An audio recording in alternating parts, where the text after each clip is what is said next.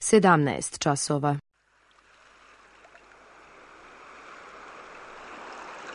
Radio Televizija Srbije. Radio Beograd 2.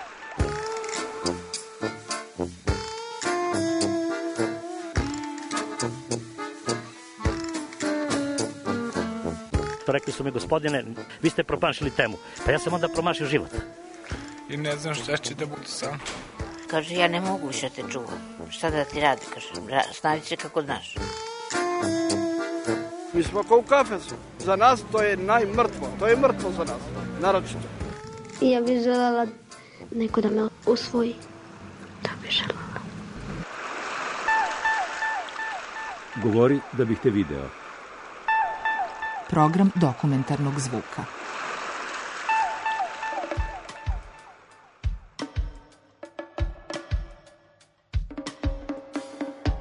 O svojim iskustvima sa putovanja govori Momčilo Antonijević, autor knjige Kako sam postao putnik i prestao da budem turista.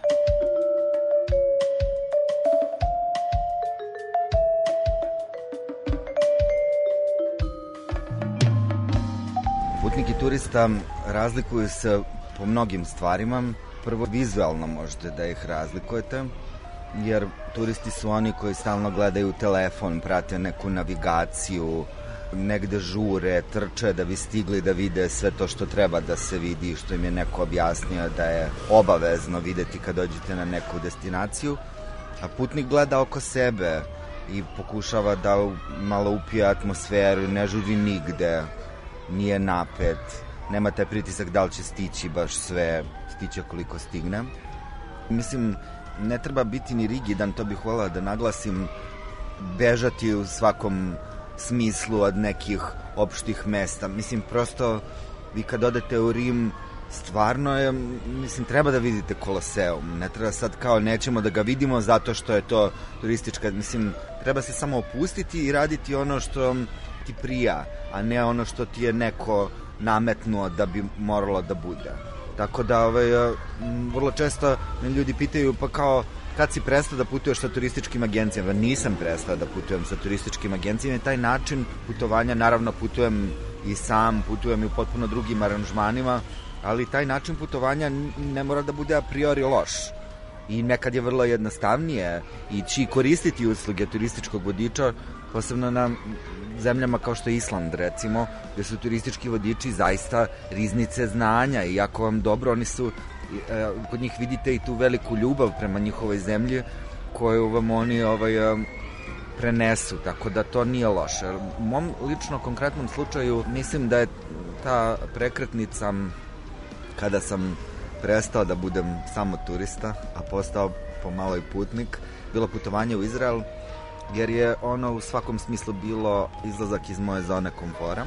Putovao sam na jedan vrlo neobičan način preko jednog udruženja ljubitelja putnika koje se zove Companionsi, koje radi tako što na poverenje praktično pronađu neke vrlo jeftine karte i to, ti, to, ti aranžmani zaista budu vrlo povoljni. Ja sam bio 7 dana u Izraelu za manje od 200 evra, 180.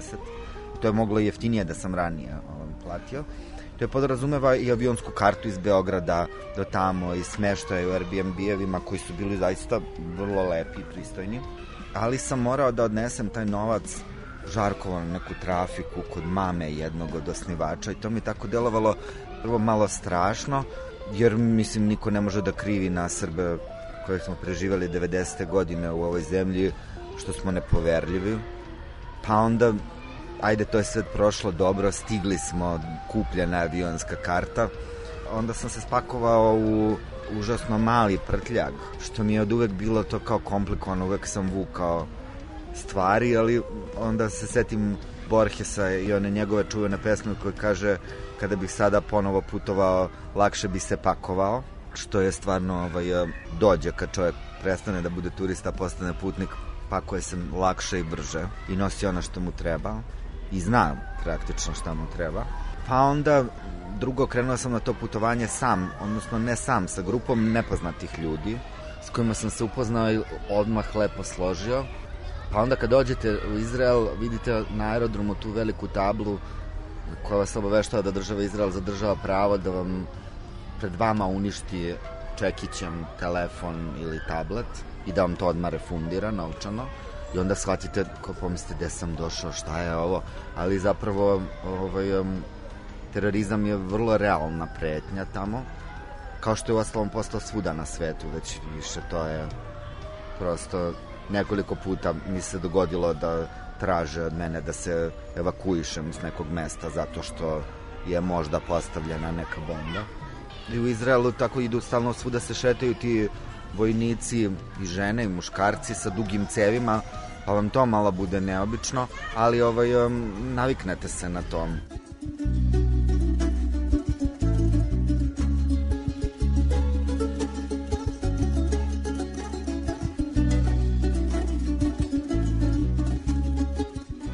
možda najneobičniji način na koji sam odabrao neku lokaciju za svoje putovanje su države na Kaukazu, Gruzija i Jermenija. Nikada nisam imao preteranu želju da posetim baš konkretno te dve zemlje koje sada spadaju u moje omiljene destinacije, ali ovaj, dogodilo se, pošto ja bio sam urednik jednog časopisa i naš saradnik Viktor Lazić je poslao svoj putopis sa Kavkaza, tekst i slike i, ovaj, i onda se desila jedna neverovatna stvar. Ja sam u to vreme bio vrlo zainteresovan za gestalt psihologiju i vodio sam dnevnik svojih snova. Kako to izgleda? Držite svesku pored kreveta i onda kad se probudite ujutru zapišete svoje snove. I posebno su interesantni snovi koji se ponavljaju. Oni su za, zbog nekog razloga važni. Ja sam imao jedan od snova kome, koji se ponavlja. Počinjao je različito, ali uvek se završava ispred um, jedne crkve koja, jednom sam čak i snu ušao u tu crkvu koja je bila potpuno crna unutra, s brdima nekim žućkastim, kamenitim, crvenkastim pejzažu.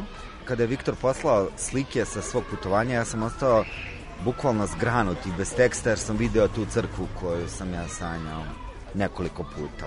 E sad naravno ne bih da to mistifikujem i to predstavljam kao neko proviđenje ili da to sad idemo u neki okultizam, može da postoje vrlo racionalna objašnjenja da sam ja to negde mogao da vidim i tako dalje, ali kažem, ti snovi koji se ponavljaju su na neki način zbog nas važni. E, ovo je bio taj san.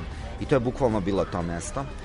Ja sam onda googlao, to je manastir Noravank koji se nalazi u Jermeniju. Inače, jermenske crkve unutra nisu oslikane, nego su crne od sveća, dakle, stvarno je to to. Ali, ovaj, um, i onda me to baš onako jedna nevrovatna osjećanja kada sam utvrdio da je to baš to, pa sam sad ja išao i na Google, video da o čemu se tačno radi, onda sam tako zatvorio laptop i otišao i platio to putovanje, pošto sam video da je jedna agencija ovde organizuje putovanje u Gruziju i Jermeniju i posećuje se manastir Noravank, onda sam ih pozvao i rekao da li stvarno idete u Noravank, da, da, da, i onda sam samo ustao i sticam okolnosti sam imao čak i novac kod, ono, odmah da platim i to se tako desilo. Neko bi rekao impulsivna kupovina, ali nije impulsivna kupovina, više je onako sudbinska. I ovaj, tako sam otišao u Jermeniju i Gruziju da ostvarim svoj san. I ostvario sam ga, ja sam čovjek koji ostvario svoj san.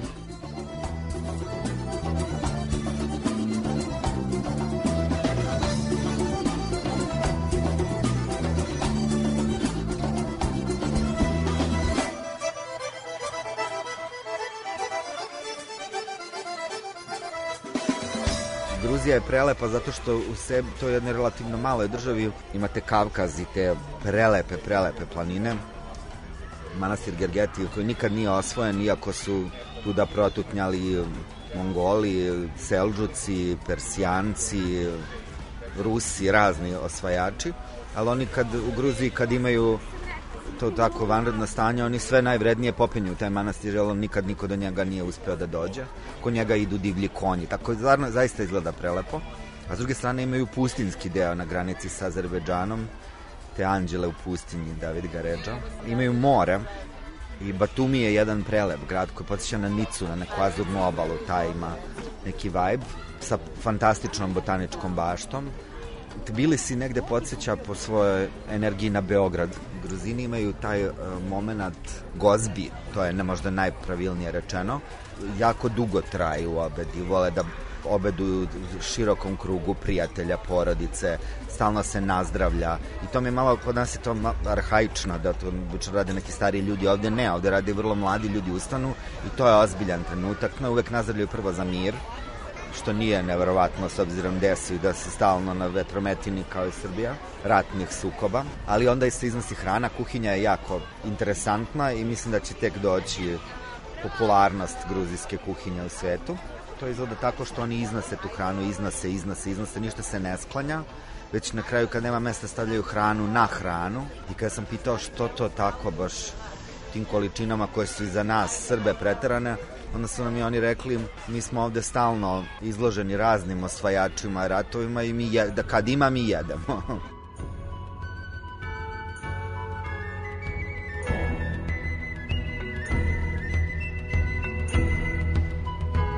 ja sam novinar po profesiji i jedna od lepših stvari te profesije je što mi se vrlo često ukazuje mogućnost da odem na putovanja da bih pisao nekim zemljama, praktično me neko tamo odvede, pokloni mi to.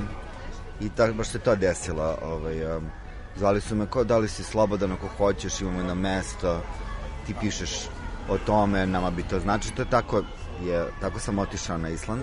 Island je neverovatno mesto i svakome bih preporučio da poseti tu zemlju zato što to najmanje podsjeća na planetu zemlju od svih mesta na kojima sam bio. Prosto priroda je fantastična, ali sve jako je surovo i nekako u stvari podsjeća na planetu Zemlju, ali kao neko podsjeća na neki prapočetak, na neka davno, davna vremena, jer ti vulkani su zaista fascinantni lednici, glečeri, to more koje tako udara i generalno je vrlo surova klima tamo, jer se neverovatnom brzinom smenjuju sva četiri godišnja doba, konstantno, i potpuno je normalno da greje sunce i onda bukvalno za minut i 20 sekundi kreće snežna vejavica sa ogromnim vetrom i tako dalje što vi se konstantno skidate i oblačite tu, nosite te stvari koje skidate pa otkopčavate se pa zakopčavate Islanđani kažu da nema ovaj, um, ružnog vremena, samo pogrešne garderobe, tako da su oni dobro opremljeni za te situacije. Ali ovaj, um, priroda zaista oduzima dah i um, to je zemlja koja je um, vrlo ekološki osvešćena. E, veliki deo um, energije se proizvodi, najveći praktično je ta geotermalna energija, prirodno, ali oni koriste to što se nalaze, imaju puno izvora te vrele vode i vulkansku aktivnost, koriste za neke nevrvatne stvari, recimo peku hleb u zemlji, i ovaj, e, taj njihov hleb podsjeća više na kolač, sladak je i tako nekih različitih vrsta brašna, ječmenog, ja mislim, i raženog. I, ovaj, e, I onda ga bukvalno stave u rupu u zemlji, to stoji 24 sata i hleb se ispeče tu. To je, dakle, prednost života na Islandu da imate pekaru u rupi iza kuće, ali loša strana je što nema sahranjivanja tu, pošto niko ne bi volao da se baš skuva u zagrobnom životu, tako da ti ljudi moraju da se voze malo dalje da, ovaj, da bi bili sahranjeni, jel?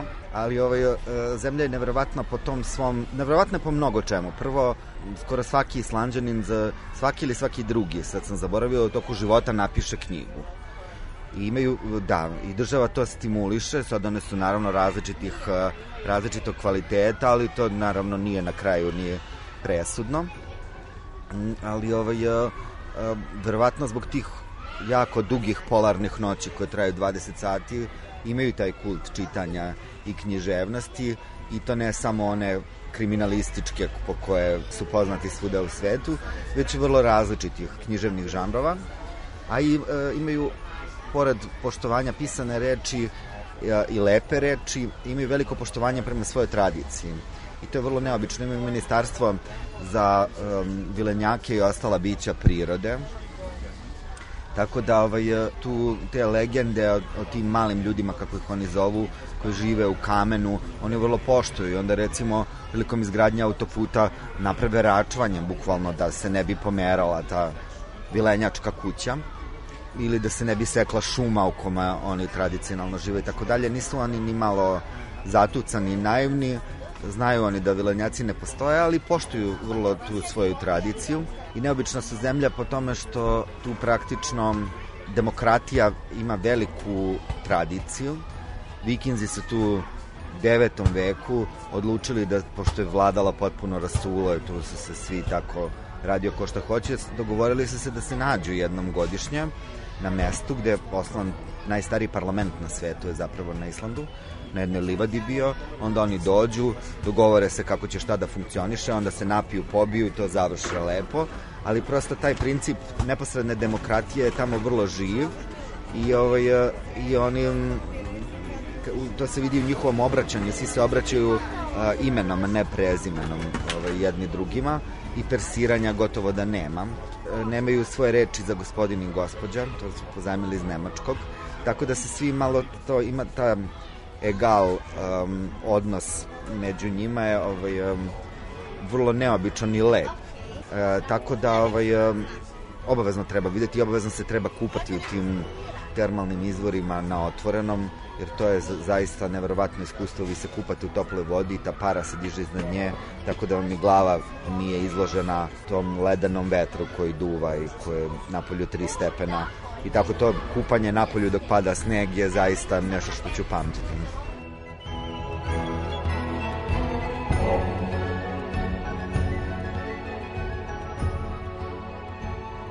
Island je um, možda nije toliko popularan kod nas zato što je skup. Smeštaj čak i vrlo skroman u hostelu sa 10-12 ljudi košta puno. Generalno skupi su, skupo je sve tamo, ali skupo je na jedan čudan način, jer recimo točano pivo u restoranu sa Mišlenovom zvezdicom i u kiosku na autobuskoj stanici košta isto. Skupo je pa je skupo, košta 12 eura, ali je, mislim, nekako na neki čudan vikinški demokratski način skupo. Tako da ovaj, možda je to razlog um, što um, Island nije toliko popularan kao destinacija kod nas, ali ovaj, uh, u Srbiji sve češće i sve veći broj ljudi odlazi u Indiju, odlazi u Nepal, odlazi u Aziju uopšte, jer to više nije tako nedostupno i daleko kao što je nekad bilo. Mada kad kažem sve više, to su i dalje vrlo mali brojevi.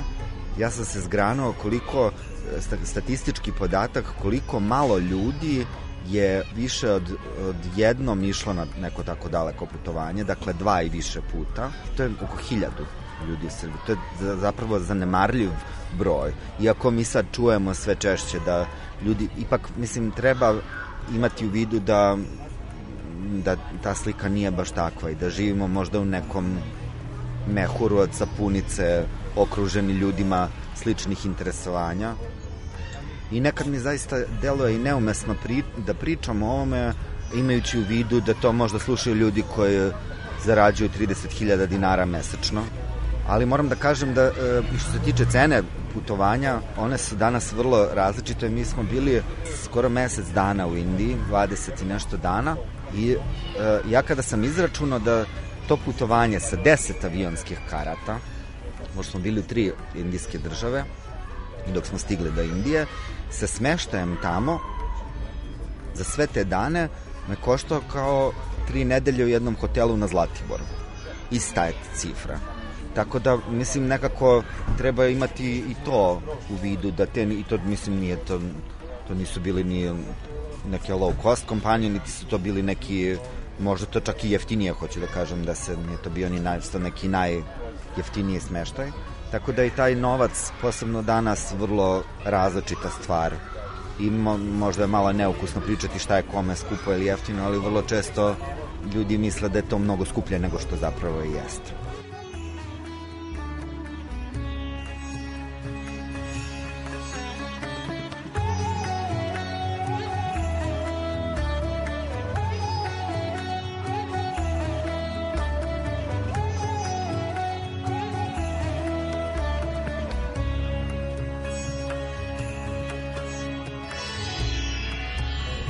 Indija je sve popularnija i ovaj, Nepal je sve popularnije. To mi je jako drago, ali to su nevrovatne zemlje.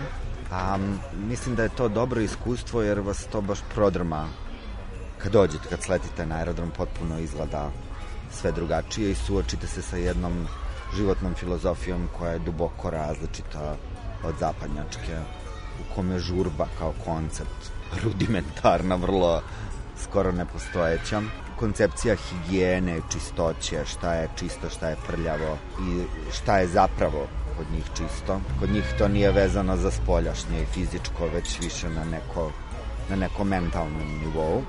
Tako da je vrlo interesantno i te razlike su vrlo neobične i vrlo zanimljive. Tako da jedan od saveta za sve ljude koji odlaze u Indiju, idite u restoran pre nego što ogladnite, pošto možete da čekate po sat i po vremena da vam ovaj, stigne to što ste naručili, a to zna da bude nezgodno ako ste baš gladni.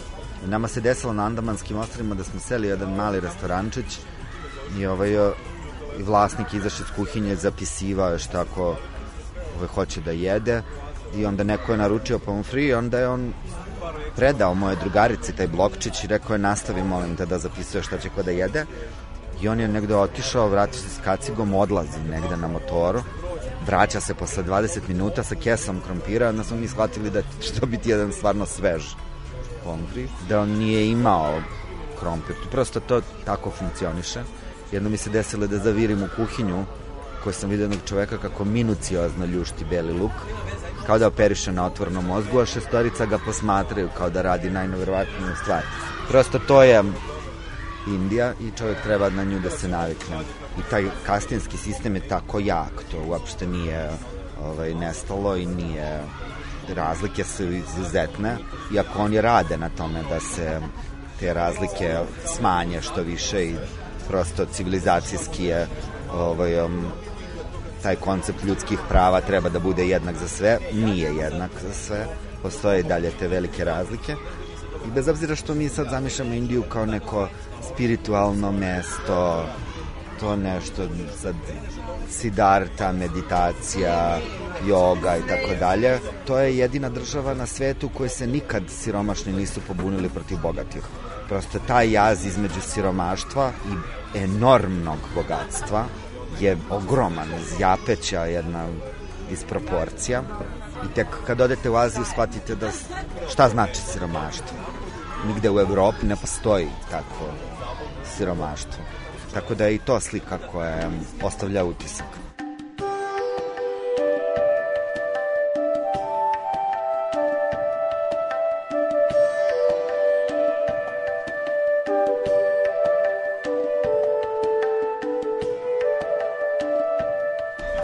Korupcija je ogromna na Nepalu i oni su zemlja sa drugi, druga na svetu posle Brazila po hidropotencijalu vodama za proizvodnju električne energije, naravno.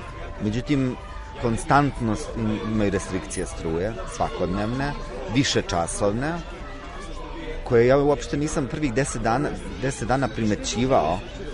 Jedino primetite kad hoćete da napunite telefon ili ovaj, um, fotoaparat, da ne može to baš uvek i u svakom utikaču, jer sve funkcioniše besprekorno, svi imaju solarne panele, svi kuvaju na gas, svi ima neko svetlo koje prosto agregati, vi, zapravo oni su se potpuno adaptirali na tu nevrovatnu situaciju koja, koja je zapravo ozbiljna i teška, ali sve se to tako nekako, svi imaju te neke iPhone i to bude sve kako treba.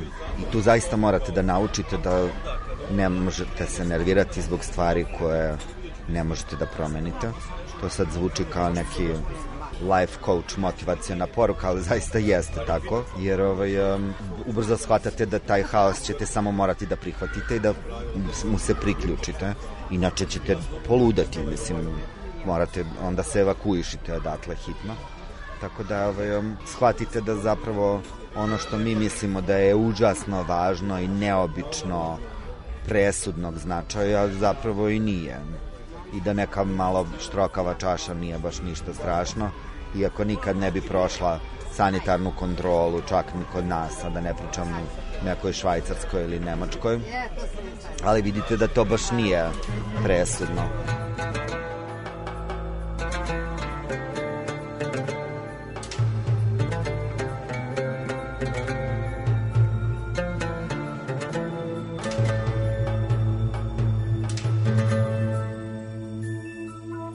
treba putovati po svojoj zemlji.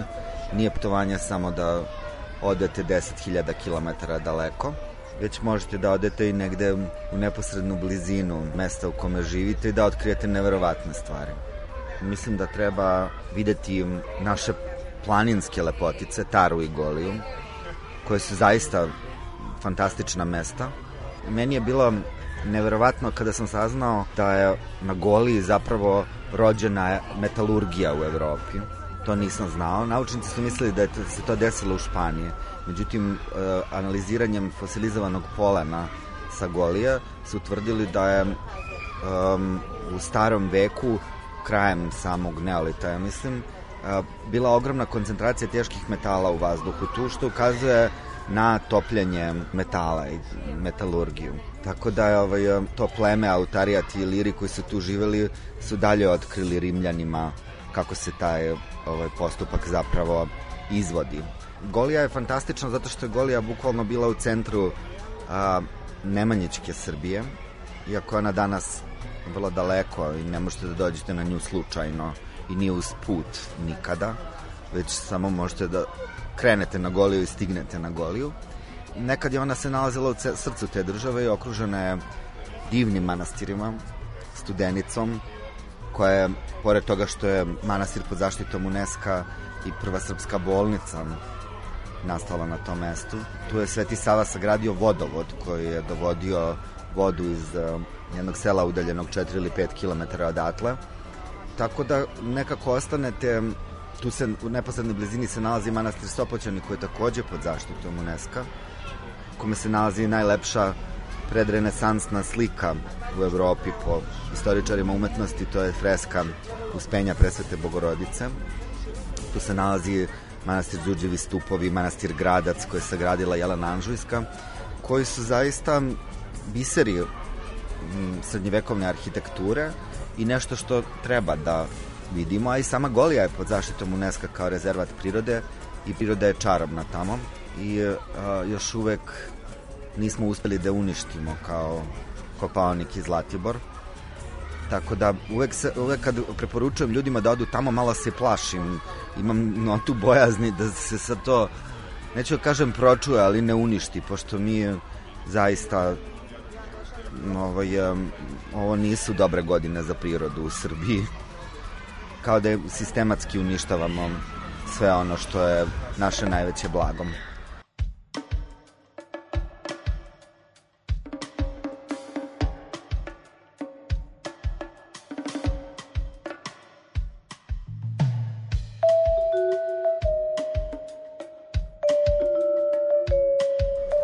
Ne znam da li postoji treći stadijum, to je gradaci turista putnik, pa sad to nešto treće.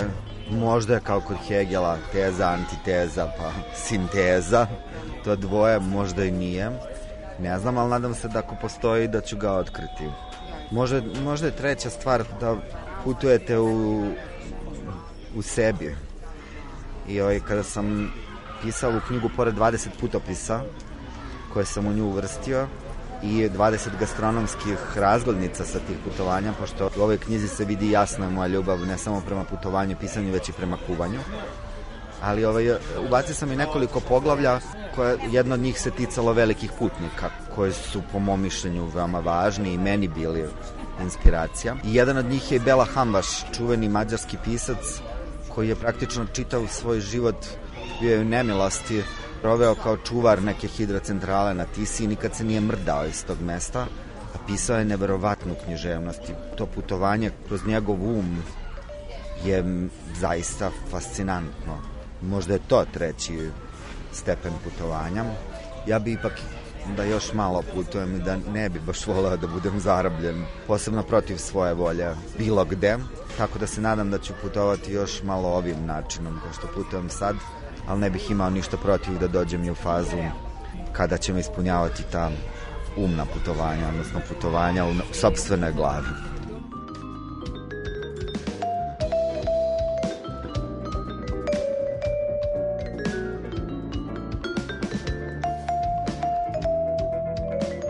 Čuli ste reportažu u kojoj je govorio Momčilo Antonijević, autor knjige Kako sam postao putnik i prestao da budem turista ton majstor Igor Dragićević, autor Milena Radić.